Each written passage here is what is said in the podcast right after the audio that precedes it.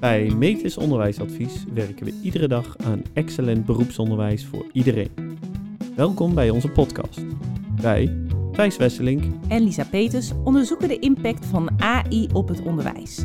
We gaan in gesprek met inspirerende gasten, bespreken actuele ontwikkelingen en behandelen praktische tips. Deze aflevering gaan we in op het thema toetsing. Allereerst verdiepen we dit thema met experts en daarna lichten we het voorbeeld uit met Kevin, docent Engels in het voortgezet onderwijs. Op dit moment zitten veel opleidingen en scholen midden in de toetsweek. Nou, een mooi moment om na te denken over de wijze waarop beslissingen worden genomen.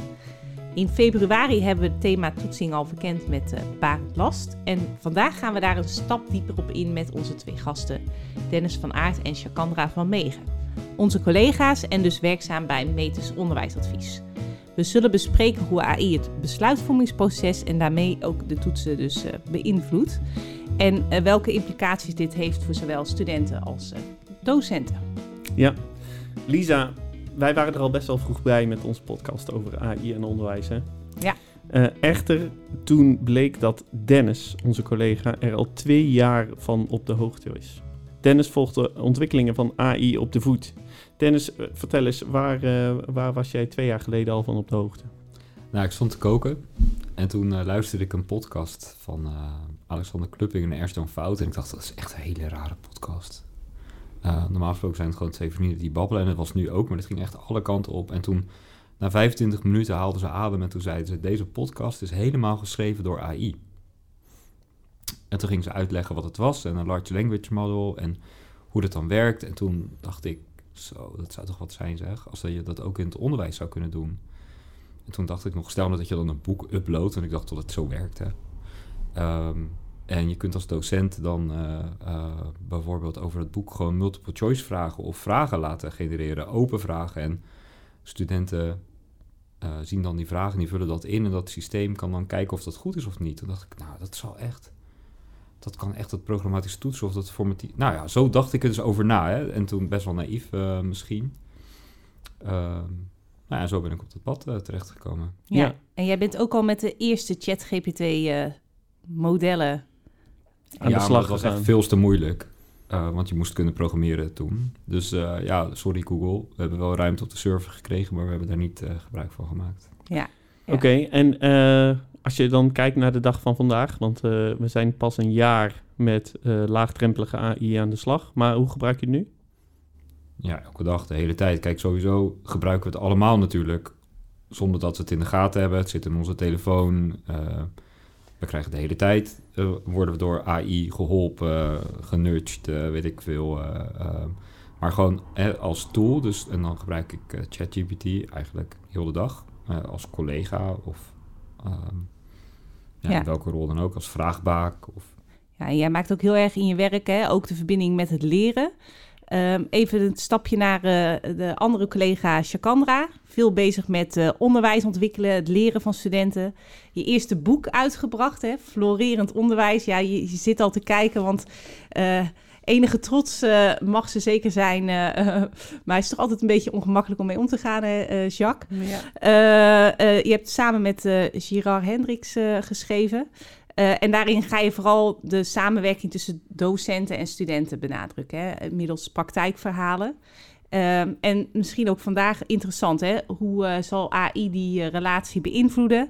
En in hoeverre moeten we willen dat we AI toelaten in ons besluitvormingsproces uh, in het onderwijs. Dus vandaag gaan we daar, daar verder op in. wij hebben vorig jaar, um, net voor de zomervakantie, zijn we al bij een van jouw opdrachtgevers, de HVA, aan de slag gegaan mm -hmm. met, met welke impact gaat AI op de toetsing hebben. Ja, ja, dat klopt. Ja. ja, bij die opleiding. Um, dat bestond eigenlijk alleen maar uit beroepsproducten. Die studenten uh, in groepjes maken. Bijvoorbeeld een marketingplan. En dan eigenlijk de taken verdeelden. Doe jij hoofdstuk 1, doe ik hoofdstuk 2, doe hoofdstuk 3. En dan een nietje erin. En dat was een toets bijvoorbeeld. Dus nou, en daar is best wel snel eigenlijk de alarmbellen wel afgegaan. Van, goh, ehm, wij willen eigenlijk sowieso wa- wa- waren die alarmbellen er al. Omdat dat, dat kwaliteit daarvan kun je afvragen. Dus men, men was al bezig om naast zo'n beroepsproduct ook een mondelinge toets af te nemen bij studenten. Om dat individuele component ook goed te toetsen.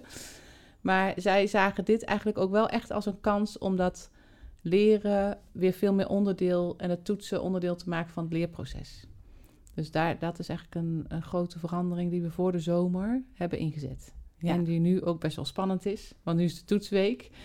En nu, hè, dat is net zoals bij studenten, als onzekerheid toeneemt, dan eh, denken we, oh, moeten we, krijgen we die terugtrekbeweging, moeten we niet toch bij ieder leerdoel zes eh, vragen stellen? Nou, wat als ik vraag vijf nou niet nog kan stellen in de tijd? Nou, eh, dus, maar dat is wel echt een leerproces. Dus mensen zijn dat nu met elkaar aan delen, veel meer met elkaar aan het overleggen. Docenten onderling. Docenten onderling, bij waar ze twijfel over hebben, eh, hoe ze, dat, eh, hoe ze zo'n les maken. Dat hebben ze dus ook samen nu voorbereid. Dus het is, ja, dat alleen al vind ik een hele mooie stap. Dus dat, dat leren nu veel meer samen vorm wordt gegeven. In plaats van, ik heb mijn lesje, ik heb mijn PowerPoint en ik doe de klas en ik weet wat de toets is. Ik doe de deur dicht en... eh, En die verandering die was dus eigenlijk al ingezet. Maar, Ja. maar de, de komst van AI en het gebruik van studenten eh, van, van AI heeft dit versneld. En eh, ja, en daar was ook al de focus al heel lang op dat het contact met de student centraal staat. Dus, hè, dus dat, dat proberen we in onze didactiek ook echt, hoe zeg ik dat? Zo- dat Zichtbaar te maken. Ja, zichtbaar te maken. Oké, graag gedaan. Eh, en, eh, en zelf, gebruik jij zelf AI? Ik gebruik AI soms. Eh, bijvoorbeeld om, eh, als hulp, hè, dus als, eh, om leeruitkomsten eh, te maken bijvoorbeeld. Ehm, waarbij ik, ik heb van de week met een, een sessie met docenten had ik van twee uur om tot leeruitkomsten te komen in een bepaalde module. En eh, dat was gelukt. En toen had ik hen daarna laten zien wat ik, hoeveel prompts ik wel niet moest invullen wel om tot goede leeruitkomsten te komen. Maar die lagen uiteindelijk best wel dicht bij elkaar. Oké. Dus, eh, maar ik merkte zelf wel, ik was er langer mee bezig geweest dan dat zij met elkaar in die twee uur. Hè? Dus dat, Omdat zij puur op de Eh, inhoud... ja. Ja. En eh, omdat je dan ook een soort bijvangst hebt met dat zij samen hebben overlegd wat eigenlijk die leeruitkomsten moeten zijn. Dus Ja. je bent eigenlijk meteen aan het kalibreren natuurlijk. eh, wat je anders, ik kan wel met zo'n eh, blaadje leeruitkomsten komen die AI heeft gemaakt, maar dan mis je het hele samenwerkingsproces eigenlijk. Maar het kan wel helpen. Oké. Ja, en ik maakte voor hen ook inzichtelijk hoe het hen kan helpen. En dus dan, ik probeer het maar zo voor hen soms duidelijk te maken hoe zij het ook kunnen gebruiken als hulp. Ja, en ik zie jou knikken, Dennis. Jij herkent dit? Ja, ja. Kijk, ehm, ik zou het nooit als vervanger inzetten. Hè? Dus eh, zeker Nee. in het onderwijs, die menselijke component of die sociaal-emotionele component is heel erg belangrijk. Ehm, maar wat Jacandra omschrijft, eh, ja, ik kom ook wel eens in de situatie dat we leeruitkomsten moeten maken. En ik weet dan nog, eh, het, het voelt als opa verteld te lang geleden, maar vier jaar geleden was dat echt, echt een proces. Hè? Dus, en, en eigenlijk wat studenten natuurlijk ook doormaken. Hè? Dus het, het, het, het opstarten van hoe ga ik dat nu doen, Nou, waar moet het aan voldoen, dan ga ik eindelijk beginnen. Eh, dan was je met docenten in gesprek en dan stuurde je het heen en weer en dan zo probeer je dat elke keer te fine-tunen. Mhm.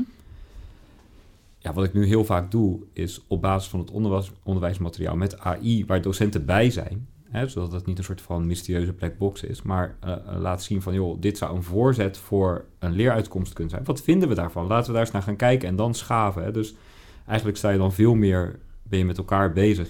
Ik sta dan vaak in de setting dat met een groot scherm of, of met een beamer en dan Het proces zichtbaar maken. het proces zichtbaar maken. En Ja. dan echt met docenten kijken, klopt dit? Wat zou je anders willen? Laten we dat eens doen. Waar komen we dan op uit? Ja. Ehm, Ja. en dan- Mooie, dat- mooie voorbeelden. Ja. Ehm, eh, als, als we eh, heel even een stap terugnemen. We zitten hier eigenlijk zitten we hier met vier experts aan tafel. Ehm, en in deze eh, aflevering willen we eh, inzoomen op, op, op toetsing. Maar eh, misschien is het goed, Lisa, om eerst even samen een helder begrip te krijgen van wa- wat, is, wa- wat is toetsing nou en hoe gaan we dat eh, benaderen? Zou je daar eens iets over kunnen vertellen? Ja, nou, eigenlijk gaf Chakandra het ook al aan, hè, van eh, kijken van waar willen we nou een besluit over nemen en hoe gaan we dat leren en, en eigenlijk ook gedurende de weg al toetsen bij studenten, zodat je dat leerproces eh, bij kan sturen. Hè. Ook bewust bij de introductie hebben we het over besluitvorming en hoe zorgen we ervoor dat die besluitvorming ook in tijden van AI, eh, ehm, ik vond het mooie eh, dat ook een van die studenten aangaf van ja, ik wil gewoon dat mijn diploma nog van waarde is. En hoe zorgen we ervoor, ook in tijden van AI, dat het diploma wat je krijgt, dat dat gewoon nog steeds van waarde is. Ehm, nou ja, dus, dus hè, het stukje, ga, wanneer neem je nou een goed besluit in het leerproces en wanneer neem je vervolgens een besluit van, nou ja, iemand die beheerst een bepaalde leeruitkomst of, eh, of doelstelling. Ja, en voor onze luisteraars, dat is een besluit wat je als docent of als onderwijsinstelling neemt over die student om te bepalen of die student vaardig is in hetgene waarvoor je opleidt. Ja, precies. Nou ja, en in tijden van AI is dat komt dat natuurlijk een beetje onder spanning te staan. Want nemen nou een besluit over, nou ja, de, de kwalificaties van zo'n student. Of eh, over de output die AI gegenereerd heeft. Nou, en dat is natuurlijk een beetje het dilemma waar eh, docenten te, voor komen te staan. Eh, en waarin je soms zag van, nou, dan gaan we toch maar misschien weer terugtrekken. En misschien minder authentiek, maar in een klaslokaal. Nou ja, Dennis, jij gaf net al aan, eh, jouw dochter hè, zit in eh, eh, VWO 5. VWO 5. Ja. Ja. Ehm, nou ja, laten we dan toch maar dat betoog eh, in het klaslokaal laten schrijven. Ja, bang eh, dat eh, de leerlingen met eh, ChatGPT een eh, betoog eh, maken. De stelling was, ik ben tegen cosmetische chirurgie. Kind helemaal trots. eh, zinnen gemaakt waarvan ze zeiden, hier ben ik gewoon trots op, die ga ik niet veranderen. En vervolgens zegt de docent van, ja, maar dadelijk heb je gefraudeerd. Dus eh, we gaan gewoon in het, eh, gaan gewoon tijdens de les moet je het met de hand helemaal uit gaan schrijven. Nou ja, los van dat ik denk, eh is misschien paard achter de wagen spannen, zag ik ook wat er gebeurde bij Madelief, zo heet mijn dochter. Want die dacht echt, die had gelijk stress. Ik dacht van, ja, maar hoe zit dat dan en hoe gaat het dan? En mag ik dan mijn, mijn bijhouden? Want ik moet toch bronnen opzoeken? En moet ik dan binnen een uur, want ik heb er veel langer over gedaan thuis, moet ik er dan helemaal opnieuw over nadenken? En nou ja, denk ik, dan, dan heb je misschien wel de goede bedoelingen, maar dan kan, is de uitwerking nog voor verbetering vatbaar. Ja. En vanuit jouw rol als adviseur, hoe zou je daarnaar kijken, naar zo'n perspectief? Hè? Want die eh, eh, docent die wil waarschijnlijk dat eh, studenten een betoog kunnen schrijven. Ehm, nou, en dat wil die toetsen. Hoe kijk je daarnaar? Dit is echt een lastige vraag. Hè? Mhm. Zoals alle vragen van AI eigenlijk lastig zijn. Want er zitten zoveel verschillende perspectieven of, of invalshoeken aan. Hè? Kijk, ik denk dat we sowieso, als we naar, even naar die docent kijken. Hè? Die docent doet met de beste bedoelingen, denk ik, neemt hij dit besluit. Eh, waar eigenlijk nog best wel veel voor te zeggen is. Hè? Ik vind het wel heel fijn dat hij op die manier over nadenkt. Want blijkbaar Hij wil een zuiver, valide beslissing zuiver nemen. die beslissing nemen. En eh, hij heeft het Mhm. idee dat ChatGPT bestaat en dat het dus blijkbaar kan. Ja, want dat is het, het, een, een perspectief waar ik me echt zorgen over maak. Hè. Ehm, wij komen op scholen, we praten met mensen. Er is een hele grote groep docenten, onderwijsleiders, managers... die eigenlijk geen idee heeft dat het er is of wat het is. En op welke manier het tot nu toe gebruikt wordt. Ehm, en er is een klein percentage, denk ik, dat voorop loopt. En er is een klein percentage dat denkt, hier moeten we iets mee. En in dat middenstuk, ja, dat vind ik best wel een beangstigend of gevaarlijk middenstuk. Hè? Want sowieso mis je kansen om het onderwijs beter te maken, maar je mist ook kansen om die goede besluiten te nemen over studenten. En die beslissingen te nemen, dat kunnen de grote beslissingen zijn van kan een student het, is het diploma waarvoor wij opleiden, past dat nog bij een veranderende beroepsgroep door AI? Maar dat kunnen ook de kleine beslissingen zijn van is die student klaar voor de volgende stap? En of dat nou een jaar is of een module, of, hè, dat, dat, dat mis je dan. En je mist de kans om je eigen werk leuker te maken. Hè, dus dat, dat vind ik al een, een perspectief waarvan ik denk, ja, dat moeten we echt wel even bij stilstaan. Ehm, en dan vervolgens denk ik, uh, wat Chakandra ook net zegt, zou ik de docent vragen, welk besluit wil je dan nemen? Wat is het nou wat jij wil zien, dat jij denkt, ja, deze leerling of deze student, die beheerst dit. En nu, dat kan die op die manier aantonen, dat ik dat besluit kan nemen van, ja, jij kunt het en je kunt door. Ja, en dan um, ga je natuurlijk vragen als, uh, ik zie er maar maatliefde moet retoriek in zitten. Nou, ja, uh, krijg je dat door te laten uitschrijven of kan het op een andere manier? Um, en je komt gewoon volgens mij op een hele valide vraag, zou ik willen zeggen, maar op een vraag waar die we natuurlijk al langer hebben. Laat je het op het laatste aankomen of ga je veel meer richting het formatief handelen? Dat je het proces al ziet en dat je weet, ik hoef helemaal niet zo'n draconische maatregel te doen als alle uh, toetsen worden weer schriftelijk handgeschreven, want ik heb het proces gewoon gezien en meegemaakt. Dus ik weet dat de student het zelf kan. Zou je eens een, een uh, beeld willen schetsen? Hoe, hoe zou uh, bij zo'nzelfde opdracht als een betoogschrijver dat er dan uitzien? Nou, daar weet ik te weinig voor van een betoogschrijver, maar ik denk wel dat je best wel kijk, als je, de, ik stel me zo voor tot eh, het inleveren van dat betoog, dat, dat het een, een eindproduct is. Hè? Dus we zien vaak natuurlijk toets, een toets of een, ja, laat ik maar zeggen, een toets als het, het eindproces. Dus het, je laat het zien. Ja, dan heb je denk ik als docent al heel veel tijd besteed aan uitleggen wat een betoog is. Laten oefenen met het formuleren. Uitgelegd wat retoriek is. Misschien heb je daar wel oefeningetjes mee gedaan van... kan je metaforen maken of vergelijkingen maken. Ja, waarvoor moet dat dan allemaal op dat allerlaatste moment samenkomen... en moet dan het besluit worden genomen of, of een leerling het kan? En, ik, en ik zie jou heel hard knikken. Ja, ik zie heel hard, want ik heb, mijn dochter zit in de zesde en die moet dat ook doen. Maar die zijn inderdaad in die stukjes dit aan het doen. Dus ze heeft bronnen verzameld, die hebben ze met elkaar besproken. Hè? Dus ze mag ook al bronnen uh, van tevoren verzamelen. Dus ze mag het onderwerp zelf kiezen. Hè? Dat is natuurlijk eigenlijk ook iets heel belangrijks. Hè? Dus als je iets zelf mag kiezen, is er ook veel minder geneigdheid om het door AI te laten maken. Hè? Als je trots bent op het onderwerp. Vanuit de affiniteit alleen al. Precies, ja. ja. En, uh, en zij oefenen steeds stukjes van zo'n betoog. Of wat is het verschil tussen een... Zij moet dan kiezen of ze een betoog of een essay of een beschouwing maakt. Ja. Dat, dat moet ze op dat moment kiezen. Dus, maar, dus moet er in al die lessen dat onderscheid goed duidelijk worden. Daarmee geoefend worden. Maak ze inleiding. Wat is een goed middenstuk? Kijk, bekijk het eens van elkaar. Hè? Dus ze moet ook feedback geven aan anderen. En dan is dat inderdaad die, die juffrouw weet al lang. Oh, juffrouw mag ik niet zeggen tegen van haar. Docent weet al lang dat zij het kan.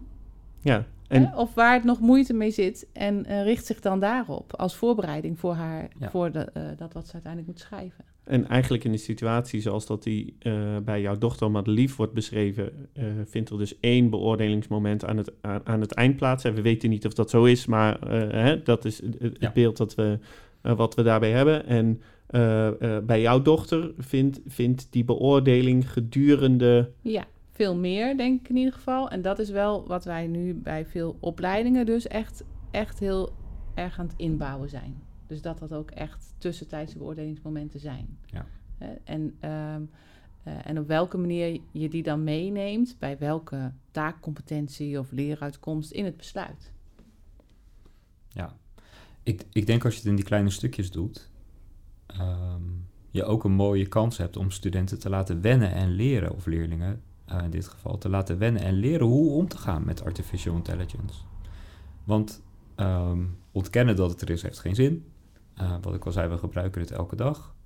Um, hè, dus die, die grote middengroep die het niet gebruikt, mist ook de kans om die, die leerlingen voor te bereiden op een wereld met AI. Um, en dan gaat het over het leren, want dat kan echt helpen. Het kan de studenten helpen en het kan de docenten ook helpen. Maar ook gewoon hoe om te gaan met het dagelijks leven. Hoe, ga, hoe herken je fake news? Hoe, hoe werkt dat eigenlijk? Hoe genereer je tekst? Ik denk dat dat heel belangrijk is. Ja, en kan je daar ook iets over toelichten? Van, um, wij geven diverse workshops en dan haal je ook het voorbeeld van jouw eigen dochter aan, hè, die uh, uh, hè, precies, die letterlijk AI ook gebruikt als zijnde een tutor voor het vak. Um, ja, ook dat is eigenlijk weer een hele moeilijke vraag, hè, want dan ga je vanuit voorbeelden redeneren. Mm -hmm. um, mm -hmm. Ja, maar ik denk dat het waardevol is om het Ja? tastbaar te maken. Oké. Er, er gebeurt namelijk iets bij, bij eh, eh, studenten en eh, ook, ook bij docenten, waardoor de drempel om effectief met de AI aan de slag te gaan nog vrij hoog is. En ik denk door het tastbaar te maken vanuit deze voorbeelden, we echt kunnen laten zien dat, dat er eh, redelijk eh, lage drempels zijn en het eigenlijk voor een 16, 17-jarige effectief inzetbaar is. Ja, maar ik denk in dit voorbeeld heb je eigenlijk het meest simpele, meest uitgeklede is dat je zegt, hoe komt nou iemand tot leren? En dan zou je drie fasen kunnen onderscheiden. Hè? Dus dat een kind of een leerling zijn leren gaat managen, dus zelf gaat organiseren en vormgeven. Dat een, een kind of een leerling bezig is met het verwerken van dat cognitieve deel uh, van het leren en er zit een motivatiedeel aan. En ik denk in alle drie van die fases kan je AI gewoon heel effectief inzetten. Uh, en niet als vervanger van die docent en niet als alleen maar met het leren, maar wel als goede aanvulling. Want we zeggen altijd heel makkelijk van ja, uh, ze kunnen niet plannen, hè, of dat hoor je heel vaak, of kinderen vinden dat lastig om te plannen. Nou ja, AI kan heel goed helpen om te plannen op het moment dat ze ermee bezig zijn. Dus je kunt echt wel uh, uh, als, als leerling of als student uh, AI gebruiken als coach bijvoorbeeld. Dus dan kun je me helpen om een planning te maken. Want ik moet dit over een paar weken doen. Je kunt AI ook heel goed gebruiken bij het verwerken van het cognitieve deel. Van joh, geef me eens tien korte vraagjes over dit onderwerp. Uh, waarbij AI heel goed in staat is om te, aan te geven wat er dan wel goed gaat en wat er niet goed gaat. Op een manier die ook nog is dat motiverende voor het leren. Dus dat zelfcognitieve, of dat cognitieve zelfvertrouwen, wat in die derde component zit, om dat te vergroten. Want je kunt je ook voorstellen, zoals het nu gaat, maak maar een planning. Ja, dat is heel moeilijk. Ehm, ik denk dat we vaak onderschatten hoe moeilijk het is en hoeveel moeite het kost voor, voor leerlingen of docenten of kinderen om huiswerk te maken of thuis aan de slag gaan. Wat de stappen dat allemaal zijn. Hè. Je moet, ze moeten gaan zitten, de tas pakken, ze moeten gaan zoeken. Ze gaan op magister zoeken, wat moet ik eigenlijk doen. Ze zijn heel lang mee bezig om dat uh, uh, op te starten. En vervolgens zien ze een vraag en denken zo, daar begrijp ik helemaal niks van. Er is dan niemand om te helpen. En zeg maar, die vertwijfeling leidt vaak tot wanhoop. En wanhoop weten we is een deactiverende emotie. Dus dan denken ze, oh, zie je, dit, dit laat me maar. niet, laat maar. Ja. En dan denken we, zie je, ze kunnen niet plannen, ze gaan niet aan de slag. Maar ze hebben eigenlijk al een heel moeilijk proces. De helft van de berg hebben ze al afge, afgelegd. En dan zijn ze toch nog in het ravijn uh, gestort. En van de afstandje denk je, ja, zie je, ze doen niks. En ik denk uh, dat AI juist heel goed in staat is om dat, dat stapje te maken. Van, oké, ik vind iets heel moeilijk. Uh, kan je dit uitleggen aan mij? En kan je dat... Nee, begrijp ik nog steeds niet. Kan je het makkelijker uitleggen? En zo wordt het voor, denk ik, een, een leerling en een student steeds makkelijker om, die, om dat huiswerk te maken. En in dat grotere perspectief om dan met die stof aan de slag te gaan. Uh, die effectieve leerstrategieën toe te passen. Want we weten jezelf overhoren en het steeds moeilijker maken. Dat is waar het leren plaatsvindt. Ja. Dus ik denk dat je die, die aanvulling heel goed ja. kunt gebruiken. En als je dan, hè, want uh, waar docenten soms mee aan het struggelen zijn van ja, maar doen ze het dan nog zelf? Komen ze dan nog tot dat dieper leren? Ja, ik zou ten eerste willen zeggen, uh, is dat nu het geval? Hè? Dus uh, laten we de huidige situatie ook niet romantiseren in de zin dat er nu niet wordt gefraudeerd als je dat perspectief kiest. Of dat er nu altijd tot dieper leren wordt gekomen. Maar als het doel is om daar wel toe te komen, denk ik, ja, maar dan wil ik toch even terug naar mijn eerste opmerking. Kijk, als jij zelf niet tot die AI-literate docentengroep behoort, ja, hoe kan je het dan ooit verstandig inzetten? Ja, ik, ik, ik, was aan het reageren op jou, omdat ik dacht dat dieper leren, dat is dan precies wat je bijvoorbeeld wel meer ook in de klas haalt.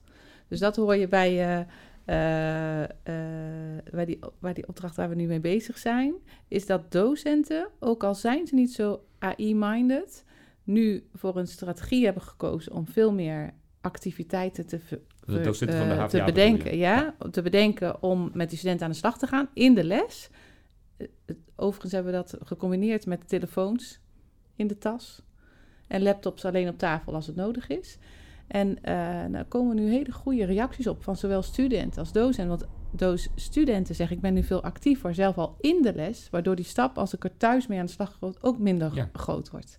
He, dus je moet en-en doen, denk ik. Ja. Dus en het kan thuis een hulpmiddel zijn, maar het kan ook uh, op gang gebracht worden, juist in de bijeenkomst, veel meer dan alleen maar uh, je dia's uit te leggen. Ja. Dus in contact dat diepe leren op te zoeken ja. met student door een hele goede opdracht te bedenken waarmee je dat aanraakt en waarmee jij dat in de les al toetst of ze begrepen hebben wat ze moeten doen, ja. wat ze moeten kunnen. Ik en denk dat een hele belangrijke aanvulling is als ik daar nog niet uh, in, mijn, wat in mijn bijdrage nog niet duidelijk genoeg in ben geweest.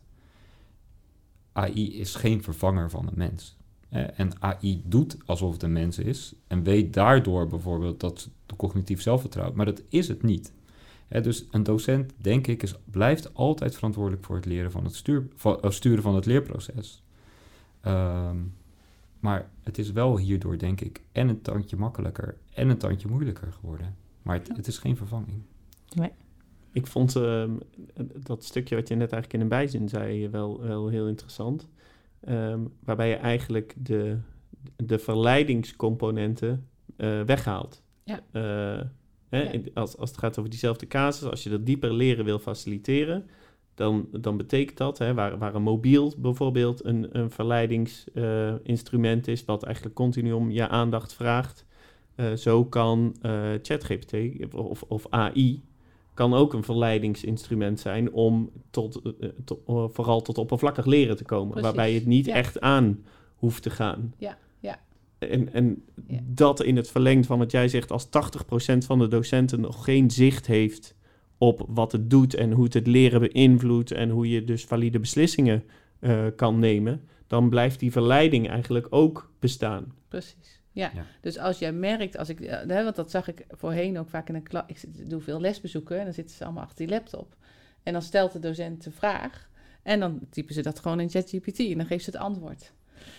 Eh, eh, dan mis je dus. Ja, Eh, je weet, dan weet jij niet of dat die, die vraag nou eigenlijk goed begrepen heeft. nee. Terwijl de strategie voor de student is, ik wil niet afgaan in de groep. Precies. Dus, ik, dat wil, ik wil een goed antwoord kunnen geven. Ja. Dus hey, ik, ik typ dit wel in, Ja. want dan kom ik in ieder geval met een kwalitatief antwoord. Precies, en dat hebben we nu omgedraaid. En zo wordt soms ook AI in de les gezet. Hè? Wat zegt AI hier eigenlijk over? En vergelijk dat dus met het groepje die het opgezocht heeft in het boek. En vergelijk dat dus het boekje met die gewoon vanuit wat ze al weten het eh, antwoord hebben opgesteld.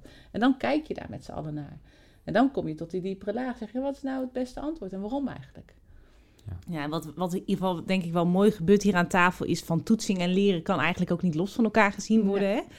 Ehm, maar zou het met elkaar eens een, een opsomming kunnen maken? Dus ik hoor jullie een aantal dingen zeggen als het gaat om ehm, eigenlijk toetsing in AI-tijdperk. Is dat jullie zeggen van zorg ervoor dat dat formatief handelen centraal, knip het op. Zorg niet ervoor dat je pas zicht krijgt op dat gehele leerproces wat door eh, gemaakt is op het eind van, eh, van een 10 of 20 of nou ja, afhankelijk hoe lang eh, je periode duurt.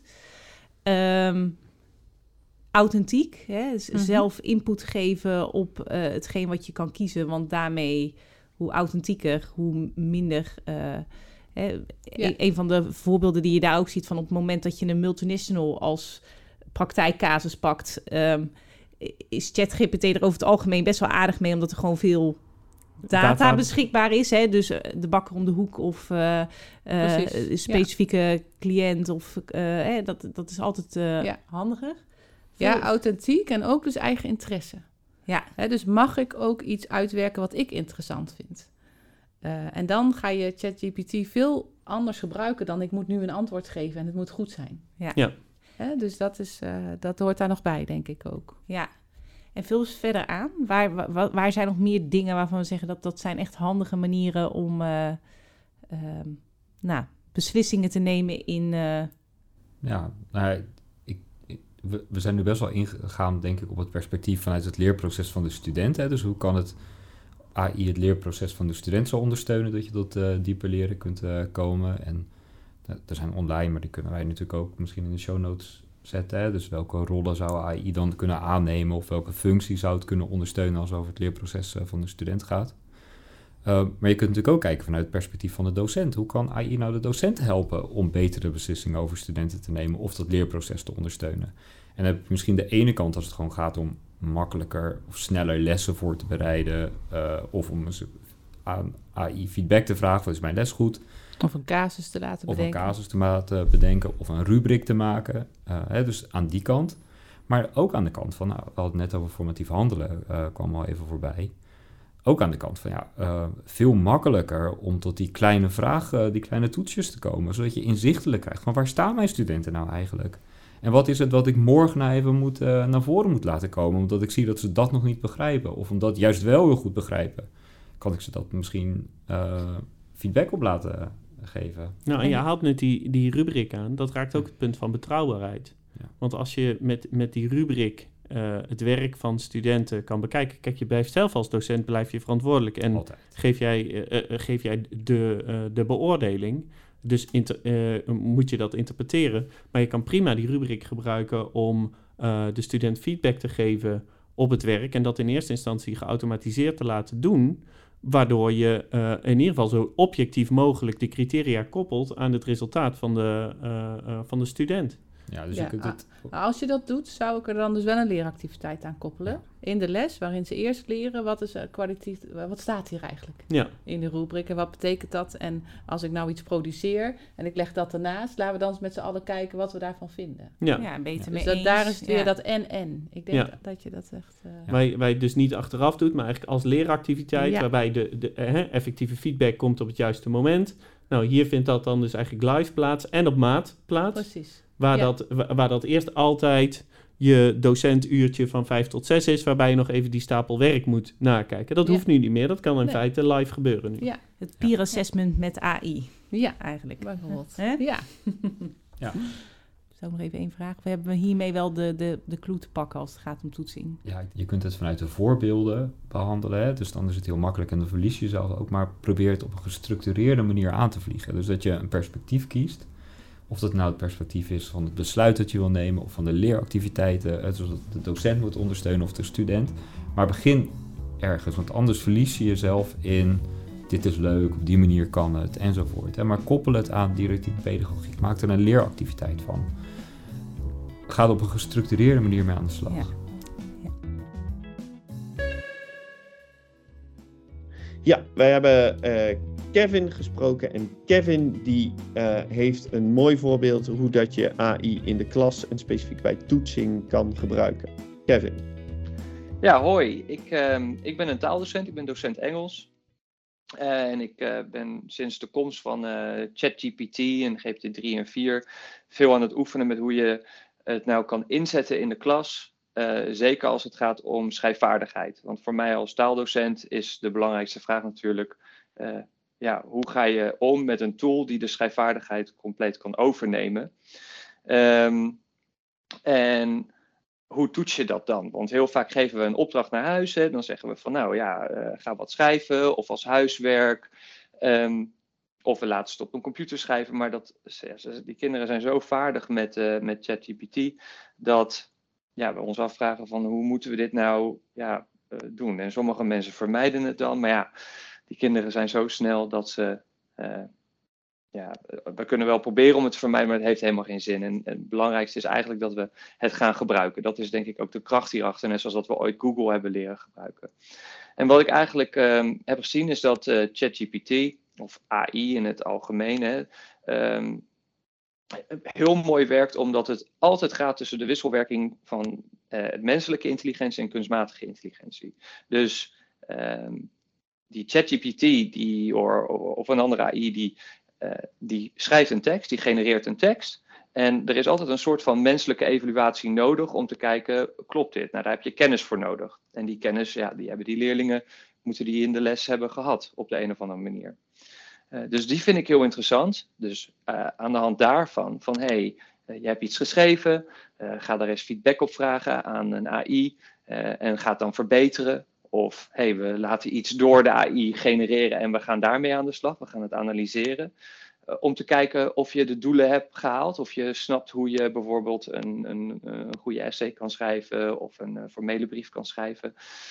Um, heel praktisch, een, een, een, een mooie die ik ook vind is dat je kan uh, AI ook inzetten als gesprekspartner. Dus uh, bijvoorbeeld op het moment dat je het hebt over zakelijk schrijven, een heel praktisch voorbeeld, een, een, sollicitatiebrief. Je kan in principe een sollicitatiebrief die je zelf hebt geschreven erin zetten. Die kunnen kinderen er dan inzetten. En dan vervolgens de opdracht geven om daar een reactie op te krijgen. Dus of ChatGPT een reactie wil geven op die, die sollicitatiebrief. En dat is heel leuk, want AI met zijn mogelijkheid om te klassificeren, uh, teksten genereren, samen te vatten, sleutelbegrippen eruit te halen, krijg je dan ook eigenlijk de kernpunten van zo'n sollicitatiebrief. Dus is dat ook dan daadwerkelijk datgene wat jij als leerling bijvoorbeeld hebt willen vertellen over jezelf? Um, nou, van de week had ik een, uh, een, een, een boektoets. Uh, ga, ik, uh, ga ik een boektoets doen met, met een groep leerlingen. En ik, ik had een les en ik wilde eigenlijk een soort van een formatieve evaluatie inbouwen. Waarbij ze al een beetje konden kijken van hé, hey, hoe ja, hoe heb ik de literatuur nou goed begrepen? En wat, wat voor soort vragen kan ik nou uh, krijgen? En toen heb ik bijvoorbeeld uh, ChatGPT gevraagd van, hey, eh, formuleer nou eens een, of maak nou eens een, een oefentoets op basis van dit verhaal op dit ERK-niveau. En dan wil ik zoveel multiple choice vragen en zoveel open vragen. En het leuke was dat, nou ja, dat, dat heb ik die kinderen niet direct verteld, dat ze een oefentoets aan het maken was, die waren die hmm, die gecreëerd was door een, een AI. Maar uh, ik heb ze het achteraf wel verteld. En toen heb ik ze ook meegegeven van ga er nou eens mee spelen. Dus ik weet dat jullie op je Snapchat een AI hebben. Ik weet dat die in Bing zit. Ik weet dat die in Google zit. Hij zit in uh, ChatGPT. Sommigen hebben de app op hun telefoon. Dus ga nou eens aan, aan uh, ChatGPT of aan een AI vragen van hey, geef mij nou eens drie uh, open vragen over bijvoorbeeld de thematiek in dit boek dat we hebben gelezen. Of een ander onderdeel wat je moeilijk vindt, als het gaat over bijvoorbeeld uh, de schrijfstijl of de symboliek erachter of uh, iets in die trant. Um, want ik probeer die kinderen ook mee te geven wat ze vaak doen in hun leren, is dat ze heel vaak bezig zijn met uh, opschrijven, het opnieuw opschrijven van dingetjes of het her, opnieuw lezen. Maar we weten ook dat de meest effectieve strategie van het leren is eigenlijk jezelf continu toetsen. Heel de tijd toetsen, snap je wat er is gebeurd? Heel de tijd die evaluatie. Ja, en als docent om iedere keer dat te doen is, is best wel veel werk. En zeker als je dat gedifferentieerd wil doen. Ja, daar is AI fantastisch in. Die kan dat uh, binnen een oogwenk hebben ze uh, een op maat gemaakte vraag. Uh, um, en het leuke is dat de kwaliteit van de output heel erg afhankelijk is van de input die de leerling geeft. Dus op het moment dat die leerling ook niet krijgt waar die naar op zoek is, dan betekent dat die leerling dus eigenlijk nog een stap verder moet maken in zijn uh, kennis, in zijn, in, input. Wat vraag je nou daadwerkelijk? Wat wil je nou eigenlijk weten ervan? Um, dat vind ik een, uh, een, echte kracht van AI in, in het taalonderwijs. Daarnaast. Het is een, een, een heel mooi voorbeeld. Wilde je daar nog een, iets aan toevoegen? Uh, nou ja, daarnaast uh, heb je echt te maken met. Hè, dus ze zeggen altijd dat je in taalonderwijs wil je authentiek materiaal hebben. Ja, de vraag is een beetje: is iets wat door AI is gemaakt authentiek? Alleen die kinderen ervaren dat wel zo. Want ze krijgen een, uh, een, een, een, hele taalrijke. ja, zit in een omgeving wat, wat helemaal draait, draait op, op tekst, hè, op taal. Um, wat ook correct is, wat goed is, wat reageert op wat zij doen. Dus het gevoel voor hun is, is wel dat het vrij authentiek is. Authentieker dan op het moment dat we bijvoorbeeld met een, een gapfill uit het boek gaan werken. Zeker, zeker. Die authenticiteit, dat is nog een interessante om daar nog eens verder over, uh, over te denken. Dankjewel uh, Kevin voor dit uh, duidelijke voorbeeld. Alsjeblieft.